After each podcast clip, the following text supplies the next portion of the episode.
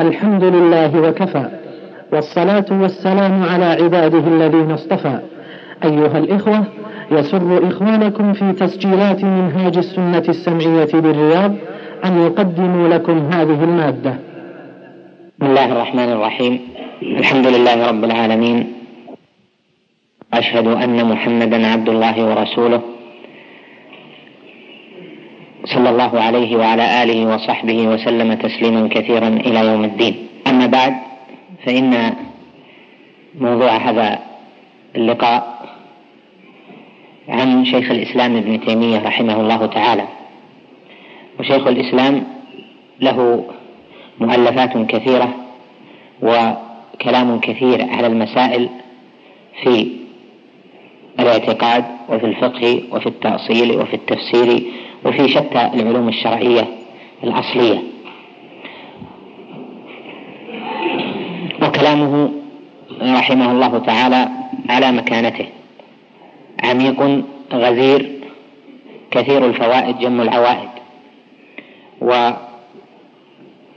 لكن أكثر كلامه يحتاج إلى تبصر ونظر. يحتاج إلى من يكون عالما بالعلوم الشرعية أو طالب علم فيها حتى يفهم مراده في كلامه. وصف شيخ الإسلام رحمه الله بأنه إذا تكلم في فن ظن أنه لا يحسن إلا ذلك الفن. فإذا تكلم في الفقه فهو حامل رايته وإذا تكلم في العقيدة فهو حامل رايتها وإذا تكلم في التفسير فكأنه لا يحسن إلا التفسير. وهكذا في شتى العلوم حتى إنه حقق بعض مسائل نحوية ولغوية وكان قوله فيها هو الصواب رحمه الله. وإذا ناظر أو تكلم مع أحد المتخصصين في فن من الفنون أفاده بأشياء لم تكن عنده. فإذا تكلم مع الفقهاء أفادهم بأشياء وإذا تحدث مع المتكلمين أو الفلاسفة أو الصوفية أفادهم بأشياء لم تكن عندهم من العلوم وهذا شيء مشهود له به. وشيخ الإسلام ابن تيمية إمام أثر في العالم أثر في المسلمين وجدد الدين فهو مجدد المئة السابعة. وذلك لأنه نصر عقيدة السلف الصالح بمفهومها العام ونصر ما قرره أئمة السلف بعد أن اندثر كلامهم إلا عند قليل من الناس. لهذا نقول إن فهم كلام شيخ الإسلام ابن تيمية ينبني على أشياء وأن القارئ لكتب شيخ الإسلام ابن تيمية يحتاج إلى قراءة بعد العلم بهذه الأشياء. أما أن يكون قارئا لها قارئا لكلامه كأنه يقرأ في صحيفة أو كأنه يقرأ كلام مثقف أو كأنه يقرأ كلام طالب علم عادي هذا يحدث من اللبس والخلل ما رأينا بعضه. فكلام شيخ الإسلام ابن تيمية تميز بمزايا. أولا أنه كان رحمه الله تعالى يوجز الكلام في مسألة في موضع ويبسطها في موضع آخر. فتجده في بعض المواضع يقول وقد بسطنا هذه المسألة في موضع آخر ويكثر ذلك منه فإذا كلامه فيه اختصار الكلام على المسائل في موضع وبسطها في موضع آخر. وما اختصر فيه يكون هو زبدة كلامه. وما طول فيه يكون هو تفصيل كلامه والاستدلال له والتنظير له. ثانيا تميز كلامه بأنه ألف التآليف فيما يريد خاصة في مسائل الاعتقاد فجعل منها تواليف مختصرة وجعل منها تواليف مطولة. والمختصرة كما سيأتي هي ذريعة المطولة والوسيلة إليها. فمن لم يفهم المختصرات التي ألفها شيخ الإسلام فإنه لن يعي معاني المطولات. فله في المختصرات الواسطية والحموية والتدمرية وله في السلوك التحفة العراقية وله في الكرامات قاعدة في المعجزات والكرامات إلى آخره. هذه مختصرات يؤصل فيها الكلام ويكون هو خلاصة ما عنده من العلم في ذلك. وأما المطولات فيبسط فيها القول ويذكر أقوال المخالفين ويذكر ما يحتاج إلى ذكره من الرد عليهم. أيضا تميز كلامه وهو الأمر الثالث تميز كلامه رحمه الله بأنه يؤصل ويستطرد يعني تميز كلامه بتأصيل واستطراد. فالتأصيل ما يذكر فيه أصل المسألة ويذكر فيه صورتها ويذكر فيه الحكم عليها. ثم يستطرد إما ناقلا للأقوال التي تؤيد كلامه وإما ينقل النظائر التي تدل على أن قوله الذي ذكره صواب وأنه هو الراجح وأنه هو الذي لا يسوغ القول بغيره. في بعض المسائل وإما أن يكون استطرد ببيان أقوال المخالفين في هذه المسألة والرد عليها. فإذا أتى طالب العلم ونظر إلى تأصيله يقف عنده ثم إذا نظر نظرة أخرى ووجد بداية الاستطراد يضع هنا بداية الاستطراد حتى يفرق بين كلامه في التأصيل وكلامه في الاستطراد. وكلامه رحمه الله في الاستطراد إنما هو كما ذكرت لأسباب. قد يكون يذكر النظائر والكلام المستطرد لا يراد منه تأصيل المسألة وإنما يراد منه التدليل على صحة الأصل إما بتقعيد أو تنظير أو استدلال أو نقول أو برد على مخالف أو بيان ضعف حجة من خالف ذلك التأصيل. لهذا ينتبه طالب العلم في أنه لا يأخذ كلامه دائما من المستطردات. بل يأخذها من التأصيلات لأن الاستطراد قد يكون كما ذكرت عنا به شيئا عرض عرض فيه لبعض ما يريد من هذه المسألة التي استطرد إليها. كتنظيره لمسألة بمسألة. مثلا خذ كتابه اقتضاء الصراط المستقيم تجد أنه يمكن أن يلخص في صفحات يعني في أربعين خمسين صفحة لكنه يذكر المسألة ثم يستطرد كثيرا. كذلك في أول درء التعارض تجده أنه رد بردود مختصرة ثم بعد ذلك استطرد في أحد الأوجه على إبطال قانون الرازي وأتباعه باستطرادات مختلفة تبين بطلانه إما من جهة التنظير أو النقول والرد عليها كما ذكرت. فينتبه طالب العلم أنه إذا نظر في كلام شيخ الإسلام يفرق ما بين التأصيل والتنظير ما بين التأصيل والاستطراد ولا يأخذ المسألة دائما من الاستطراد. أيضا من مميزات كلامه رحمه الله أن كلامه يكثر فيه المحكم والمتشابه. عنده فيما يقرر محكم وتارة في كلامه إما في الاستطراد أو أحيانا في بعض التأصيل يكون من المتشابه. ونعني بالمحكم ما يتضح معناه وبالمتشابه ما يحتمل المعنى أو لا يتضح أو يكون مشكلا على أصول السلف. لأن شيخ الإسلام رحمه الله كان متابعا للسلف الصالح لا يخرج عن أقوالهم وخاصة أقوال أئمة أهل الحديث كأحمد وباقي الآئمة. فهو قد يورد كلاما ينظر إليه العالم أو طالب العلم ويجده مشكلا. وهذا يسمى المتشابه لأن المتشابه موجود في كلام أهل العلم ويحل هذا المتشابه بالنظر في المواضع الأخرى التي تكلم فيها عن هذه المسألة. فيكون في الموضع الآخر جلاء وإيضاح لهذا الموضع الذي اشتبه على الناظر.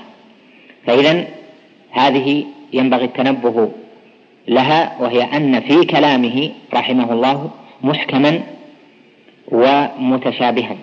وهذا إنما يعرفه أهل العلم يعرف المحكم المؤصل الذي يوافق كلام السلف ويوافق كلامه هو في المختصرات كما سيأتي في التطبيق وكلامه الذي يشتبه يحتمل أنه يريد به كذا ويحتمل أنه يريد به كذا فنحمل كلامه على ما نعلمه من طريقته ومن تقريره ومن عقيدته رحمه الله من أيضا مميزات كلامه هذه النقطة كم؟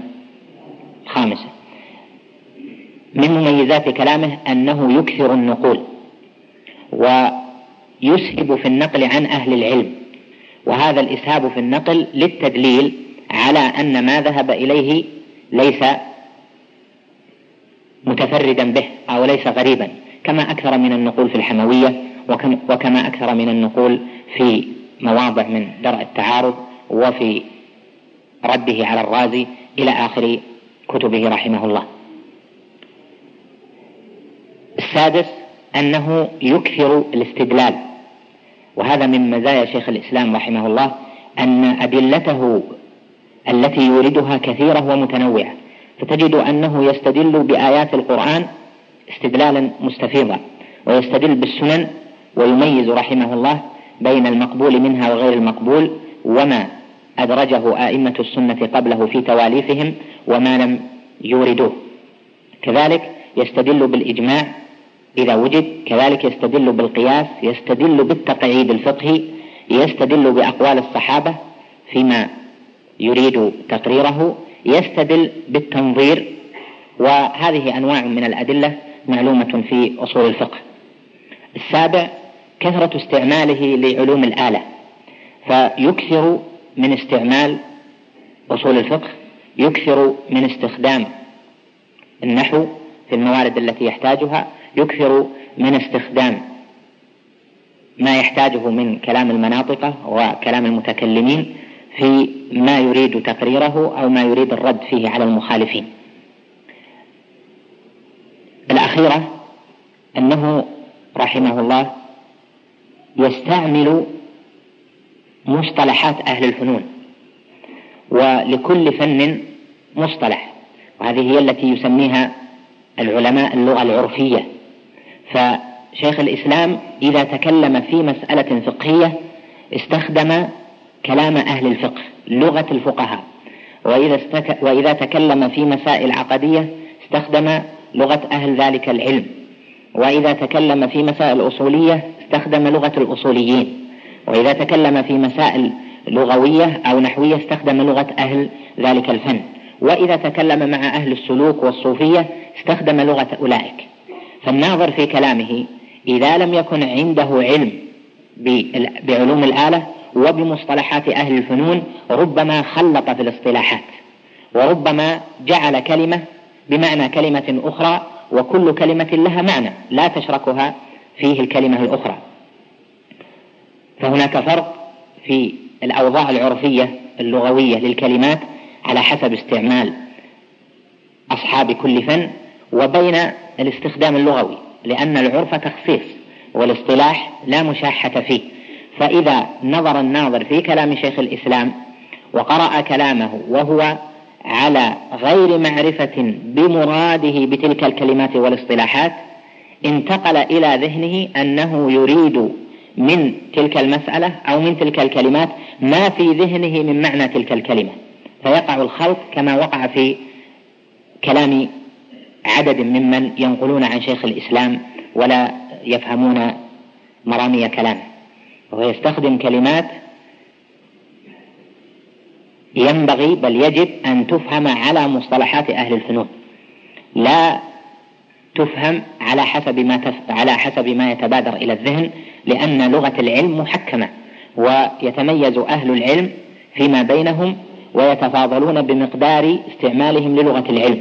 فكلما كان العالم أكثر استعمالا للغة العلم كلما كان قدره وتأصيله أرفع لأن لغة العلم محكمة ولأنها تنفي التداخل. وشيخ الإسلام رحمه الله تعالى طبق ذلك كثيرا فتجده يستخدم المصطلحات التي يستخدمها أهل العلوم. فإذا كان ثم كلمة تحتمل أكثر من وجه أو ليس ثم فيها اصطلاح متفق عليه بين الفئات يجد تجد أنه يذكر أن هذه الكلمة مجملة. فهي إن فسرت بكذا فتحتمل كذا وإن فسرت بكذا تحتمل كذا وينبغي حملها على المعنى الصحيح. وخاصة في المسائل التي يستخ... أو في الكلمات التي يستخدمها المتكلمون ويستخدمها أتباع السلف الصالح فيكون ثم فرق بين استعمال هؤلاء واستعمال هؤلاء أو بين الكلمات التي ربما أنها في مصطلح الحنفية مثلا من من الفقهاء لها عرف خاص عندهم وعند غيرهم لها معنى آخر. وكذلك في الكلمات التي يكون المصطلح الحادث فيها عند أهل الفن مخالف لما كان لما كان في العرف الشرعي لما كان قد جاء في الكتاب والسنة. وهذا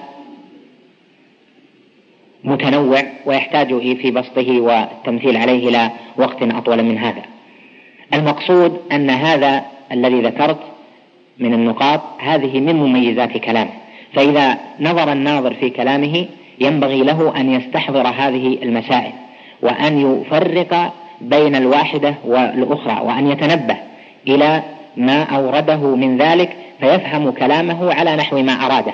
لا يفهم كلامه على ما في عقله وتصوره من التصورات لأنه إذا فهمت كلامه على ما في ذهنك كنت محكما لنفسك على شيخ الإسلام وإنما يقبل الحكم منه رحمه الله على نفسه لأنه هو الذي استعمل الكلام وكلامه يفهم عن طريقه لا عن طريق غيره. وإذا أشكل شيء من ذلك من كلام شيخ الإسلام وأشكل بعض ما تميز به كلامه مما ذكرت في مسألة أو في اصطلاح أو في استعمال أو في استدلال أو في مذهب نقضه أو في مذهب أيده وأشكل ذلك فإذا أردت أن تعلم طريقته ومذهبه فترجع إلى كلام ابن القيم رحمه الله. لأن ابن القيم في كتبه يفصل كلام شيخ الإسلام ويبين ما فيه ويكثر الاستدلال له ويوضحه إيضاحا مفصلا ومن الكلمات المأثورة عن الشيخ عبد الرزاق عفيفي رحمه الله رحمة واسعة أنه كان يقول شيخ الإسلام ابن تيمية يأتي إلى جدار الباطل فيلطمه حتى يتهدم. وأما ابن القيم فيأخذ هذا الجدار حجرا حجرا فيكسره إلى أشلاء. وهذا صحيح. فإن شيخ الإسلام يرد بالأصول ويرد بالفروع وبالتنظير مرة واحدة حتى ترى وصف من وصفه بأنه كالموج المتلاطم. أما ابن القيم فهو مرتب. يأتي الوجه هكذا الوجه الأول الوجه الثاني الوجه الثالث فيأخذ كل مسألة على حدة ويورد الكلام عليها مفصلة واضحة. أما شيخ الإسلام فهو يموج ولهذا يقع الالتباس في فهم كلام شيخ الإسلام أكثر مما يقع الالتباس في فهم كلام ابن القيم رحمه الله تعالى ولكل درجات. كيف تستفيد أو تقرأ من كيف تقرأ كتب شيخ الإسلام في العقيدة؟ شيخ الإسلام رحمه الله كما ذكرت لكم جعل كلامه في الاعتقاد متنوعا. فمنها كتب مختصرة وهي أيضا على درجات في الاختصار. ومنها كتب مطولة ومنها فتاوى مختصرة ومنها فتاوى مطولة. فطريق فهم كلامه أن تضبط المختصرات. فمن المختصرات الواسطية والحموية والتدمرية. وهذه الثلاث هذه المؤلفات. الثلاث مهمة في فهم كلام شيخ الإسلام وفهم مذهبه وطريقته وتقريره للمسائل. فلا بد لطالب العلم حتى يفهم كلام شيخ الإسلام في المطولات وفي الفتاوى في الأجوبة المطولة أن يستوعب هذه الثلاث استيعابا تاما. ولهذا كان أهل العلم يقرؤون الطلاب يقرؤونهم هذه الثلاث المختصرات قبل أن يقرأ أن يقرأ عليهم في المطولات. لأن هذه المختصرات فيها تأصيل العلم العقدي الذي نصره شيخ الإسلام رحمه الله. فيها تأصيل أقواله التي نصر فيها مذهب السلف الصالح وعقيدة السلف الصالح ومنهج السلف الصالح رحمهم الله تعالى. فلا بد من استيعاب الواسطية وفهمها لفظة لفظة. لا بد من استيعاب الحموية. لا بد من استيعاب التدمرية. فإذا استوعبت هذه على قدر ما آتاك الله جل وعلا من الفهم من الفهم ويسره لك فإنك إذا قرأت بعد ذلك المطولات كرده على الرازي أو رده أو درء التعارض أو الأجوبة المطولة في الفتاوى كشرح حديث النزول وغير ذلك فإنك تفهم الكلام لأنه مبني على تأصيل سابق أما أن تقرأ المطول من كلامه قبل المختصر هذا يحدث في النفس التباسا. لأنه لا يمكن أن تقيم أعلى البناء إلا بإقامة أسفله. فإذا أقمت الأعلى دون الأسفل كان إما على وشك تهدم أو لم يكن بناء مستقيما. لهذا شيخ الإسلام رتب لك فأعطاك الواسطية. ولما سئل عن الاعتقاد في الصفات كتب الحموية أطول منها وكتب التدمرية وهي مراتب. الواسطية هي الأولى الحموية التدمرية. فإذا ضبطت الواسطية وهي تشمل معتقد السلف الصالح عامة لكن ليس فيها ردود وليس فيها أقوال للمخالفين وإنما فيها الآيات والأحاديث في مسائل الصفات وكذلك في مسائل الإيمان في مسائل القدر ثم الكلام على منهج أهل السنة والجماعة في إنكار المنكر وفي مسائل الإمامة والصحابة وزوجات آه، النبي صلى الله عليه وسلم والكلام على بقية مسائل الاعتقاد العام. الحموية فيها تفصيل أكثر وذكر فيها نقول كثيرة عن أهل العلم من السلف في تأييد طريقة السلف وما ذهب إليه الشيخ الإسلام ابن تيمية. كذلك فيها تأصيل لمذاهب المخالفين كتأصيل لمذهب الفلاسفة من قولهم بالتجهيل وأهل الوهم والتخيل إلى آخره مما فيه تأصيل لكلامه في مصنفات أخرى. التدمرية فيها تقعيد للردود وبيان لمسألة الشرع والقدر ومسائل الصفات وتأصيل القواعد التي بها يرد على المخالفين ونقض شبه أولئك من أصولها ومن جذورها. فإذا أردت أن تفهم المطولات فلا يمكن ذلك مطلقا إلا بفهم المختصرات. يمكن أن تفهم بعض كلامه لكن يشكل البعض الآخر ويشكل البعض الآخر حتى تكثر المشكلات. والعلم إنما ينبني على تصور سليم من أول لحظة. وإحرص كما أوصى بذلك عدد من المشايخ ألا تدخل ذهنك إلا الصورة الصحيحة للمسائل سواء كان في العقيدة أو في الفقه. لا تدخل في ذهنك صورة مشوهة لا تدخل في ذهنك صورة غير واضحة للمسألة. فإذا أدخلت صورة فهمتها من بعض الأوجه ولم تفهمها من بعض ربما أتت الحاجة إليها فلم تستفد منها وربما أتت الحاجة إليها فقررتها على غير طريقة أهل العلم وعلى غير طريقة شيخ الإسلام فيما ذكر. إذا فلا بد أن تتصور المسائل تصورا. أول ما ترد عليك وتحرص على أن لا تدخلها ذهنك إلا بوضوح. هذا بعد ذلك تنتقل منها إلى غيرها. أما إذا جمعت شتات من المعلومات وشتات من المقروءات دون تأصيل لهذه المسائل فإنها تلتبس عليك هذه المسائل ويحصل كما نرى ونسمع يحصل التباس. فبعضهم يجعل مسألة من مذهب السلف الصالح وليست من مذهبها. نعم هو قرأها لكن ما قرأها بتأصيل. يذكر مسألة أن شيخ الإسلام يرى فيها كذا ولكنه يفهمها على غير وجهها. يأخذها من المستطردات ما يأخذها من المطو... من التأصيلات. يأخذها من الكلام المحتمل دون الكلام الواضح. كلامه في الاعتقاد شيخ الإسلام ابن تيمية تارة يكون محتملا. لا تأخذ منه تقرير المسألة كما يكون في الاستطرادات كثيرا وتارة يكون واضحا جليا. وهذا الواضح والمحتمل إنما تفهمه إذا قد إذا كنت قد أحكمت المختصرات التي ذكرت لك وهي الواسطية والحموية والتدمرية تتضح لك مراداته بكلامه بعد فهم مصطلحات العلوم ولغة أهل العلم كما ذكرته لك سالفا. هذا بالنسبة للاعتقاد. وثم قسم آخر في الفقه والمسائل الفقهية أعرض له عرضا موجزا في الدقيقة التي أو الدقيقتين التي بقيت. فكلام شيخ الإسلام في الفقهيات ليس سهلا وتقريره في مسائل الفروع والفقه ليس سهلا وذلك لأنه جمع في ذهنه أقوال أهل العلم المختلفة. جمع في ذهنه أقوال السلف وأقوال الآئمة المتبوعين رحم الله الجميع. وجمع في في ذهنه الأدلة لهؤلاء وهؤلاء. ولهذا نقول تميز كلام شيخ الإسلام في الفقهيات بالذات بتصوير المسائل بكثرة الاستدلال عليها وبتنظيرها فقهيا وبكثرة التعليل بالقواعد الفقهية وبذكر الجمع والفرق وهو فن من فنون القواعد الفقهية وبالتعليل بمقاصد الشريعة وبالرجوع إلى الأصول من جهة المقاصد التي كانت في زمن النبي صلى الله عليه وسلم ومقصد الشارع من الأحكام كما هو قاعدته في المعاملات ونظريته في البيع إلى آخر ذلك. كذلك يكثر من الترجيح فيما فيما يذكر. وهو في كل ذلك متبع لمذهب الإمام أحمد رحمه الله تعالى فإن شيخ الإسلام في أصوله وفي تصوره وتصويره للمسائل حنبلي المذهب رحمه الله. فتفهم كلامه بعد بعد فهم كلام أهل المذهب. ولهذا إذا أردت أن تتصور مسألة فقهية تحدث عنها شيخ الإسلام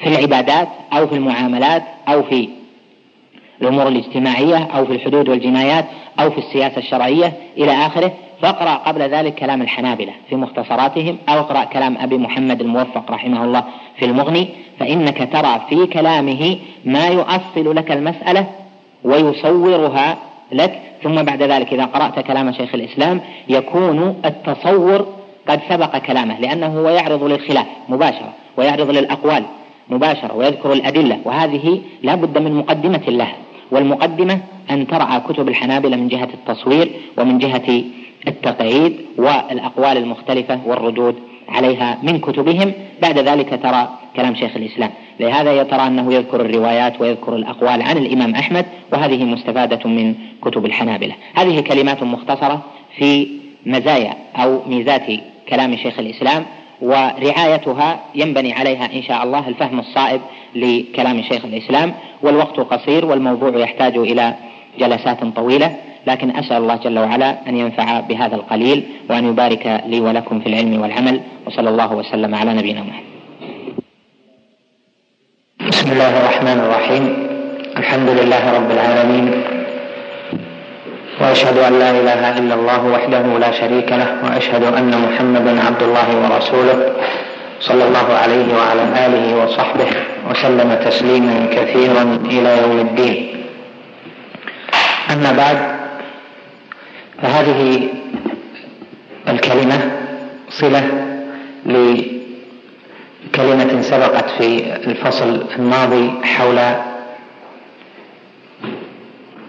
خصائص كلام شيخ الإسلام ابن تيمية على وجه العموم وفي العقيدة على وجه الخصوص. وقد ذكرنا فيما مضى أن شيخ الإسلام رحمه الله تميز كلامه ب مزايا منها ثمان مهمة. وقد مرت وتلك الثمان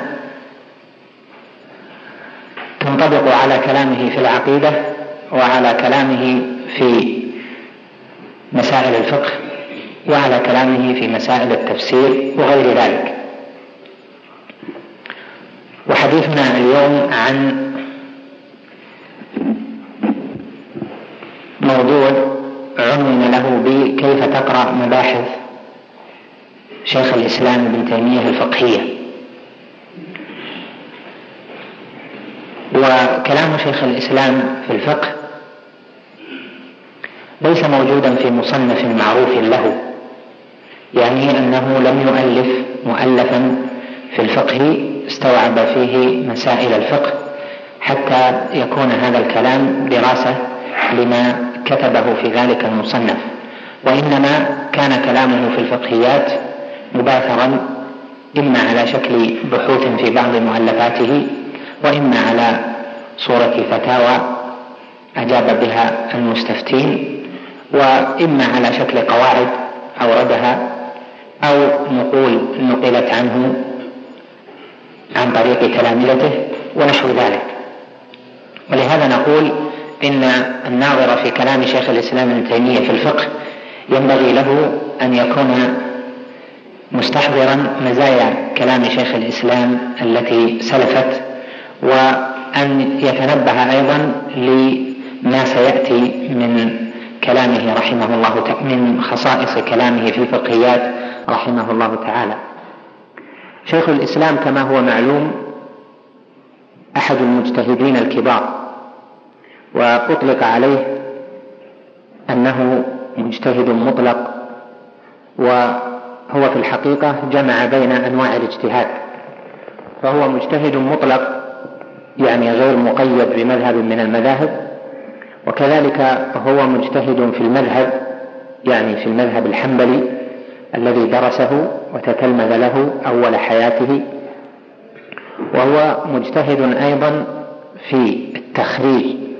في المذهب وهو مجتهد أيضا في الفتوى وهذه أنواع من طبقات المجتهدين. فالمجتهد تارة يكون مجتهدا مطلقا وهو أعلاها وتارة يكون مجتهدا في المذهب وتارة يكون مجتهدا في التخريج وتارة يكون مجتهدا في الفتوى. وفوق ذلك كله أن يكون مجتهدا مستقلا كالأئمة الأربعة رحمهم الله ونحوهم كابن حزم الذين اجتهدوا في الأصول وفي الفروع. ونعني بالأصول يعني أصول الفقه والكلام على الرجال يعني لا يقلدون غيرهم في الحكم على أي وسيلة من وسائل إثبات الحكم الشرعي. لهذا شيخ الإسلام كان مجتهدا في هذه جميعا وهذه لها أثر إذا استحضرتها في رعاية كلامه ومواقع حججه وبيناته.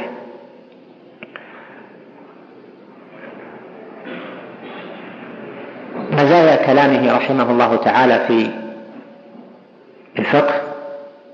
أولا إذا صور المسائل فإنه يصورها في الغالب على مبنى تصوير الحنابلة رحمهم الله لتلك المسائل. فإنه درس المذهب الحنبلي وتتلمذ له وقرأه وحفظ منه ما حفظ وتصويره للمسائل إذا عرضها مبني على تصوير الحنابلة رحمهم الله. وهذا يعني أن فهم كلامه في الفقهيات لا بد أن يقدم الناظر فيه لنفسه بالنظر في كتب الحنابلة حتى يكون تصوير المسألة واضحا وحتى يكون حتى تكون صورة المسألة في ذهنه مطابقة لما سيصفه شيخ الإسلام ابن تيمية.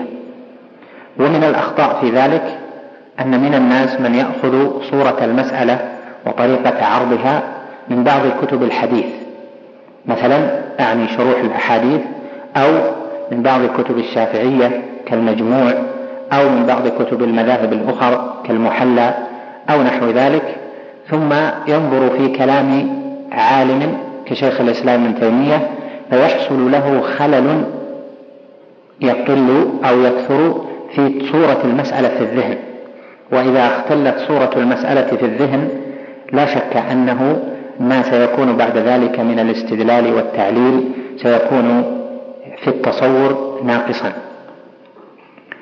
المزية الثانية من مزايا كلامه رحمه الله أنه تميز في كلامه الفقهي بسعة اطلاعه على مذاهب الناس فهو واسع الاطلاع في المذهب الحنبلي فهو يورد الروايات عن الإمام أحمد روايتين وثلاث وربما أكثر في بعض المسائل ويورد الأقوال في المذهب أيضا بأسماء أصحابها ويورد أحيانا أقوال الآئمة الآخرين الأئمة بقية الأئمة الأربعة واختلاف الأقوال عنهم وكذلك يستحضر أو هو واسع الاطلاع في معرفة مذاهب السلف في المسائل. ولهذا تميز رحمه الله تعالى باستحضار الأقوال في المسألة حتى إنه يستوعب ما قيل فيها فلا يتكلم في المسألة إلا بعد أن يعرف المذاهب فيها. وهذا يورده بكثرة. فطالب العلم إذا انتبه لهذه الخصلة عند شيخ الإسلام رحمه الله تعالى لا يشتت ذهنه لأن كثرة إيراد المسائل كثرة إيراد أصحاب الأقوال لتلك المسائل هذه قد تشتت الذهن وطالب العلم يهتم أولا حين قراءة كلام شيخ الإسلام ابن تيمية بصورة المسألة قبل معرفة الخلاف ثم معرفة الخلاف العالي فيها في المذهب لأنه هو الذي درستموه وتصوره أقرب ثم بعد ذلك ينتقل إلى الخلاف بين الإمام أحمد والآئمة. الآخرين ثم إلى خلاف السلف. في ذلك أو خلاف الآئمة المتبوعين الذين اندثرت مذاهبهم كالليث والأوزاعي وابن جرير إلى آخر ذلك. فإذا شيخ الإسلام رحمه الله تعالى لسعة علومه يخلط هذه جميعا وخلطها لا شك أنها من أسباب كونه مجتهدا مطلقا اطلع على كلام الناس وتوسع فيه.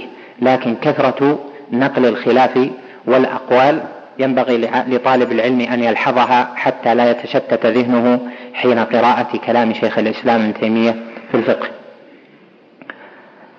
المزية الثالثة من مزايا كلامه في الفقهيات كثرة استدلال شيخ الإسلام رحمه الله بالنصوص أعني بالقرآن والسنة والقرآن يعني بالقراءات والسنة يعني بمختلف بمختلف الروايات.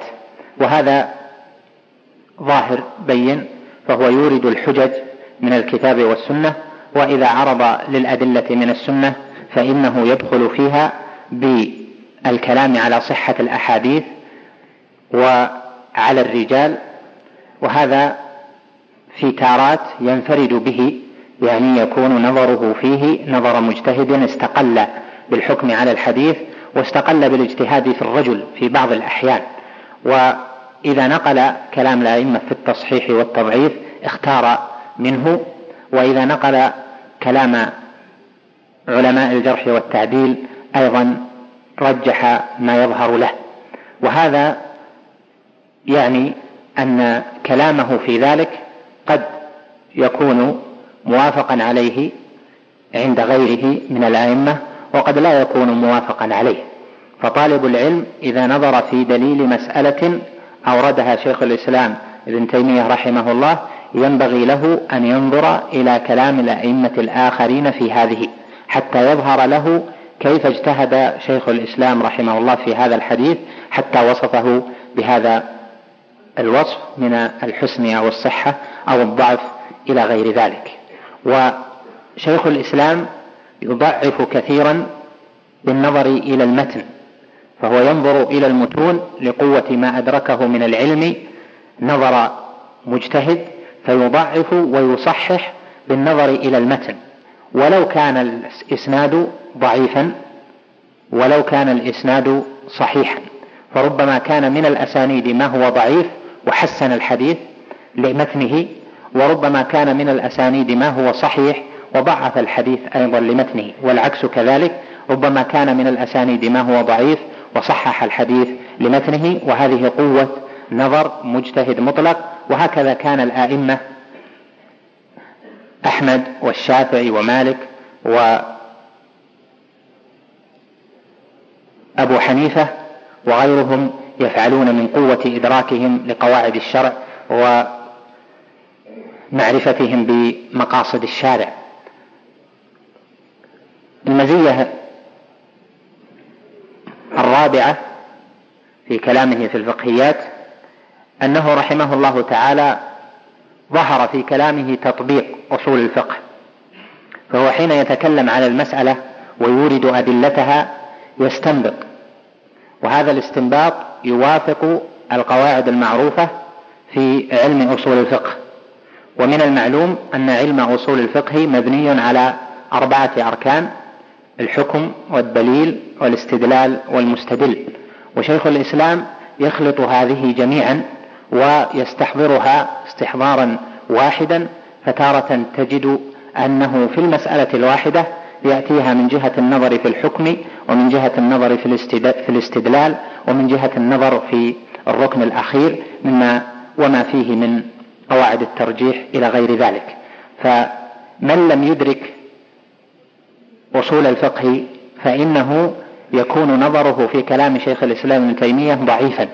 وهذا ظاهر في أن من الناس من لم يتصور أدلة شيخ الإسلام ابن تيمية وربما استدل بدليل أورده شيخ الإسلام ابن تيمية ولم يدرك موقع, موقع الاستدلال. أورد الدليل لكن ما وجه الاستدلال؟ لم يدرك ذلك. وذلك لأن معرفة الاستدلال مبني على وسيلة وهي علم أصول الفقه. إذ الاستدلال هو الركن الثالث من أركان أصول الفقه وهذا يحتاج إلى دقة نظر في المطالع في كلام شيخ الإسلام ابن تيمية في أصول الفقه. وهو في أصول الفقه ليس مقلدا تماما وإنما له اجتهادات في مسائل من أصول الفقه.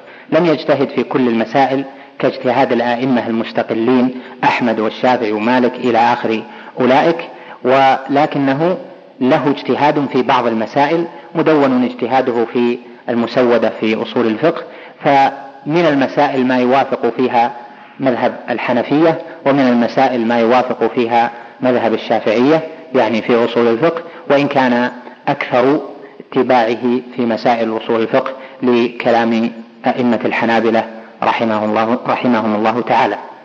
المزية الخامسة كثرة إيراده للنظائر وهذا علم مهم أعني به علم النظائر في الفقه لأن المسائل الفقهية إذا تواردت وصارت نظير نظائرها كثيرة قويت المسألة وقوي تأصيلها وشيخ الإسلام رحمه الله تعالى يورد النظائر ويكثر منها فيما أسميناه في المحاضرة السالفة بالاستطراد.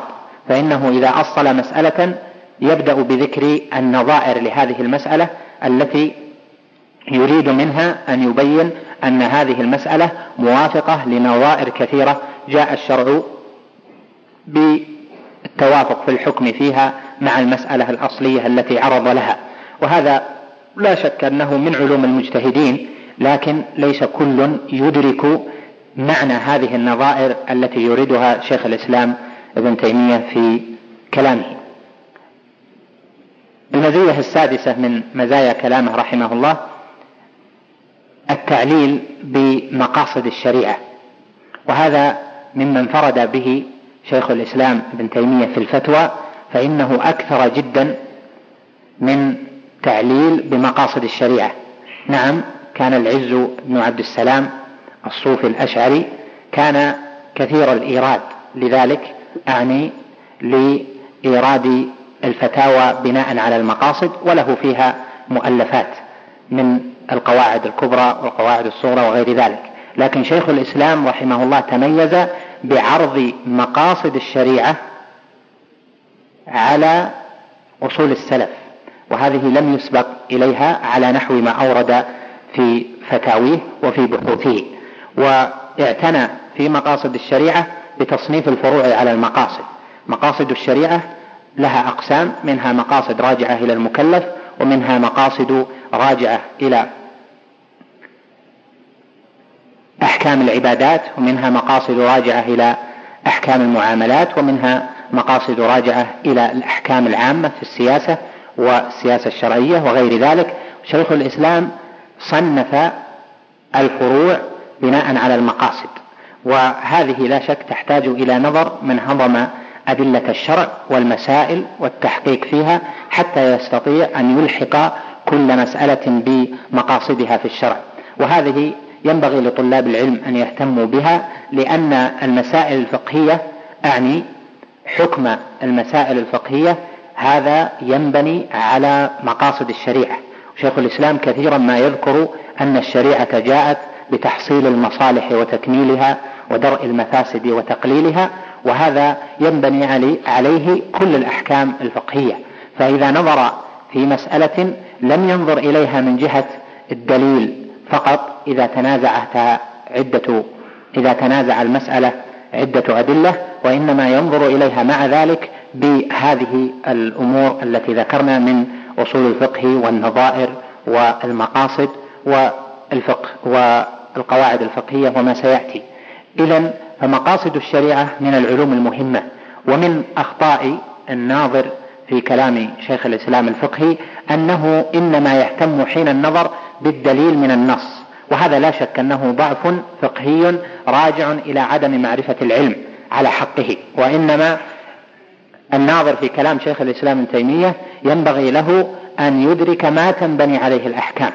والأحكام لا تنبني فقط على الدليل من الكتاب والسنة بل تنبني على أشياء كثيرة معروفة عند المحققين من أهل العلم فمن لم يهتم بكل مسألة يوردها شيخ الإسلام ابن تيمية أعني من هذه المسائل التي أوردها الثمان فإنه ربما نظر إلى المسألة بغير النظر الم... الذي تستحقه. المزية السابعة في كلامه التعليل بالقواعد الفقهية. شيخ الإسلام رحمه الله كثير التعليل فيما يريده في المسائل الفقهية بالقواعد وسواء كانت القواعد العامة المتفق عليها بين المذاهب أم القواعد الخاصة في المذهب الحنبلي أو في غيره من المذاهب فهو يكثر التعليل. والقواعد الفقهية بها يتم فهم فهم المسائل الفقهية على نسق واحد. لأن القواعد تجمع المسائل بحيث لا يكون ثمة تناقض بين هذه المسألة وتلك المسألة. ومن عجائب من يقرؤون كلام شيخ الإسلام ابن تيمية الفقهي أن منهم من يرجح تارة كلام شيخ الإسلام في مسألة ويرجح كلام غيره في مسألة أخرى. وهذا عند الناظر في الفقه نظر مجتهد متعمق لا يقبل البتة لأنه يجد أن أن الترجيح كان بناء على نظر في المسألة بانفرادها وهذا ليس نظر مجتهد وليس نظر عالم بل العالم إذا نظر في مسألة باعتبار بالنظر في الأدلة وباعتبار ما جاء فيها فإنه إذا نظر في مسألة أخرى لا يخلي نظره من كل المسائل التي تلحق بالقاعدة التي تندرج تحتها هذه المسألة التي يريد أن يجتهد فيها. ولهذا شيخ الإسلام لا تجد في فتاويه ولا في اختيارات في اختياراته تناقض بين المسائل. كذلك المذاهب. تجد مثلا المذهب الحنبلي في اختياراته لا تجد يعني في ما عليه المتأخرون لا تجد تناقض. كذلك المذهب الشافعي كذلك المذهب الحنفي لأنهم يبنون علمهم على القواعد. تارة يكون في المسألة دليل ضعيف لكن يقوي هذا القول أنه مندرج تحت قاعدة لو قلنا بهذا الدليل فيها لانخرمت القاعدة في نظائر أخرى وهذا يسبب التناقض ومن المعلوم أن الشريعة لا تكون متناقضة في الأحكام المتماثلة كما قررها شيخ الإسلام ابن تيمية في مواضع عدة في مواضع عدة وابن القيم فإنهم قرروا أن الشريعة لا تفرق بين متماثلين ولا تساوي بين مفترقين. وهذا مما ينبغي أن يهتم به طالب العلم كثيرا في الاستفادة من كلام شيخ الإسلام رحمه الله في الفقه. فإن من طلبة العلم من ينظر في المسألة بمجردها. ينظر الأدلة ويقول هذا الدليل صحيح هذا الحديث إسناده صحيح ومعنى ذلك يأخذ بالحكم في المسألة. وإذا نظر في مسألة أخرى نظر إليها من جهة الأدلة فقط دون بقية ما يستدل به في المسألة. وإذا تأملت كلامه وجدت أن أخذه في تلك المسألة بذلك القول يناقض أخذه في المسألة الأخرى بالقول الآخر لأن هذا مبني على قاعدة وهذا مبني على قاعدة فتتصادم فيتصادم المأخذان. وهذا عيب لا شك عند الناظر في الفقه. لكن لأجل ضعف ضعف العلم بالفقه والضعف في علوم الشريعة جميعا في هذا الزمان لا يحس الناس أعني الخاصة طلبة العلم لا يحسون بهذا التناقض وهذا من الضعف الذي ينبغي تداركه بالتأمل في كلام شيخ الإسلام ابن تيمية وكيف أنه في مسألة يختار قولا وفي مسألة أخرى يختار القول الموافق لذلك القول وهذا له كلام آخر يطول.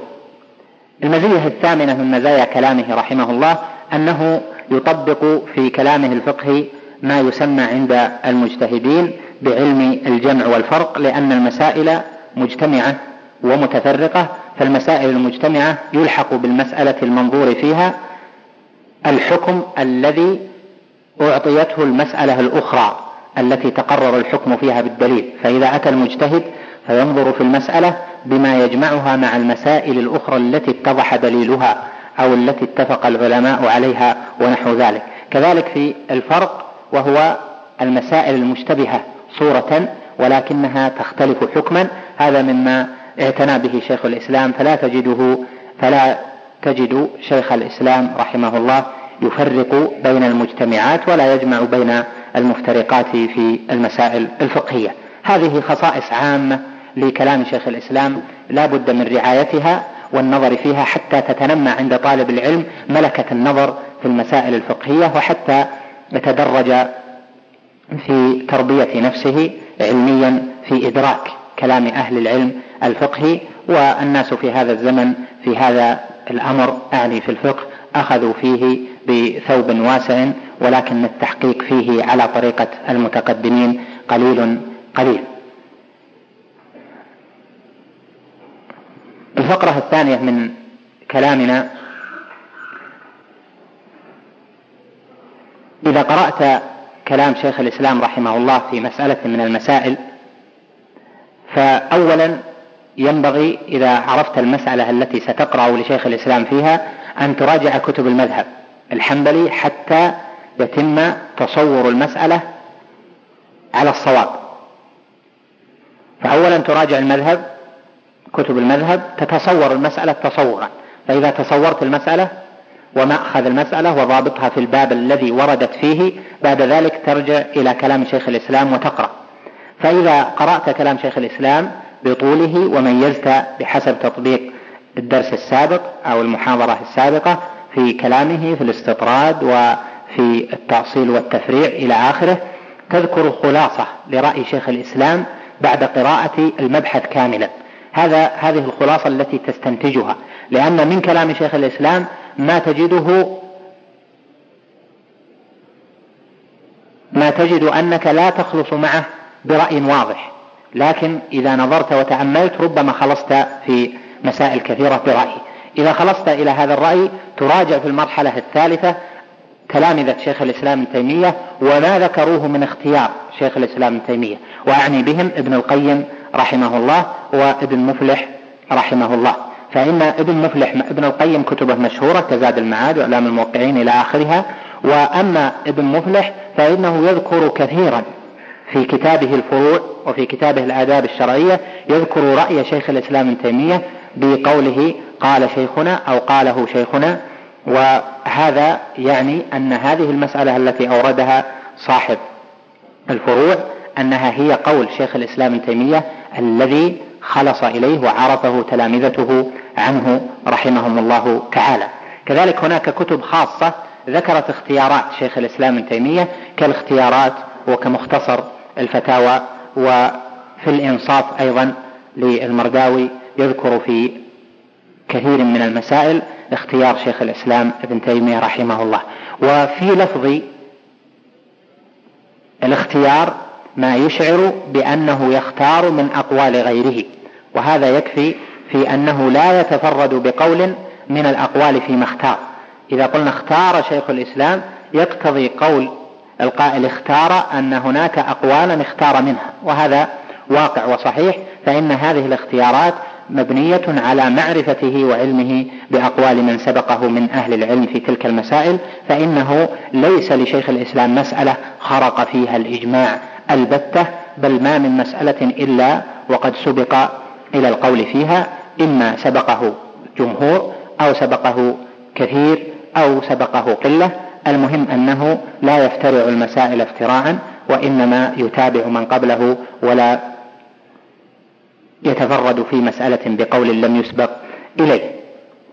بعد ذلك تأتي إلى مراجعة الكلام مرة أخرى حتى يتسق لك مع خلاصة الرأي الذي أورده ابن القيم وابن مفلح وصاحب الاختيارات يتسق لك مراد شيخ الإسلام. فتبدأ من البداية هذه في آخر مرحلة وأنت تتصور الحكم الذي خلص إليه شيخ الإسلام ابن تيمية.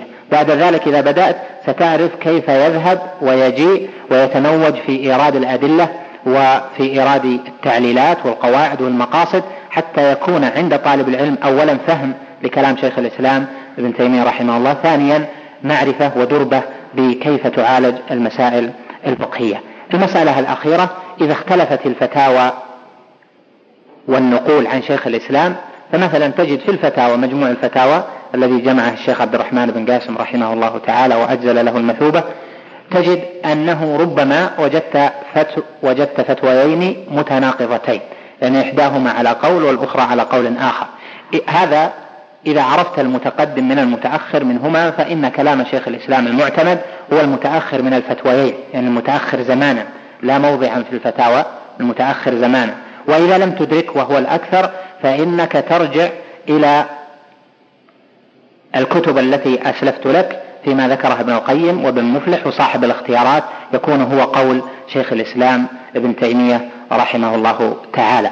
وهذا خلاصة لهذا المبحث المهم وهو الذي عنون له بكيف تقرأ كتب شيخ الإسلام ابن تيمية رحمه الله تعالى وأجل له المثوبة.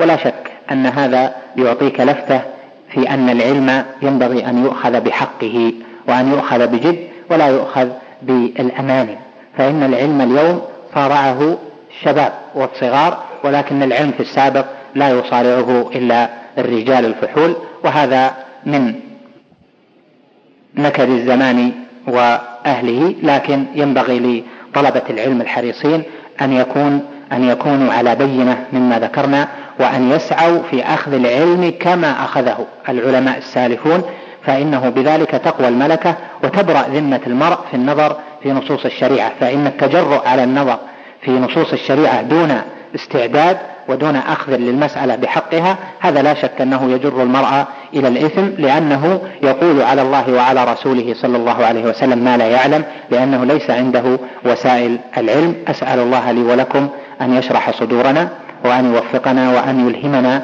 القول والعمل والصواب فيهما وصلى الله وسلم على نبينا محمد.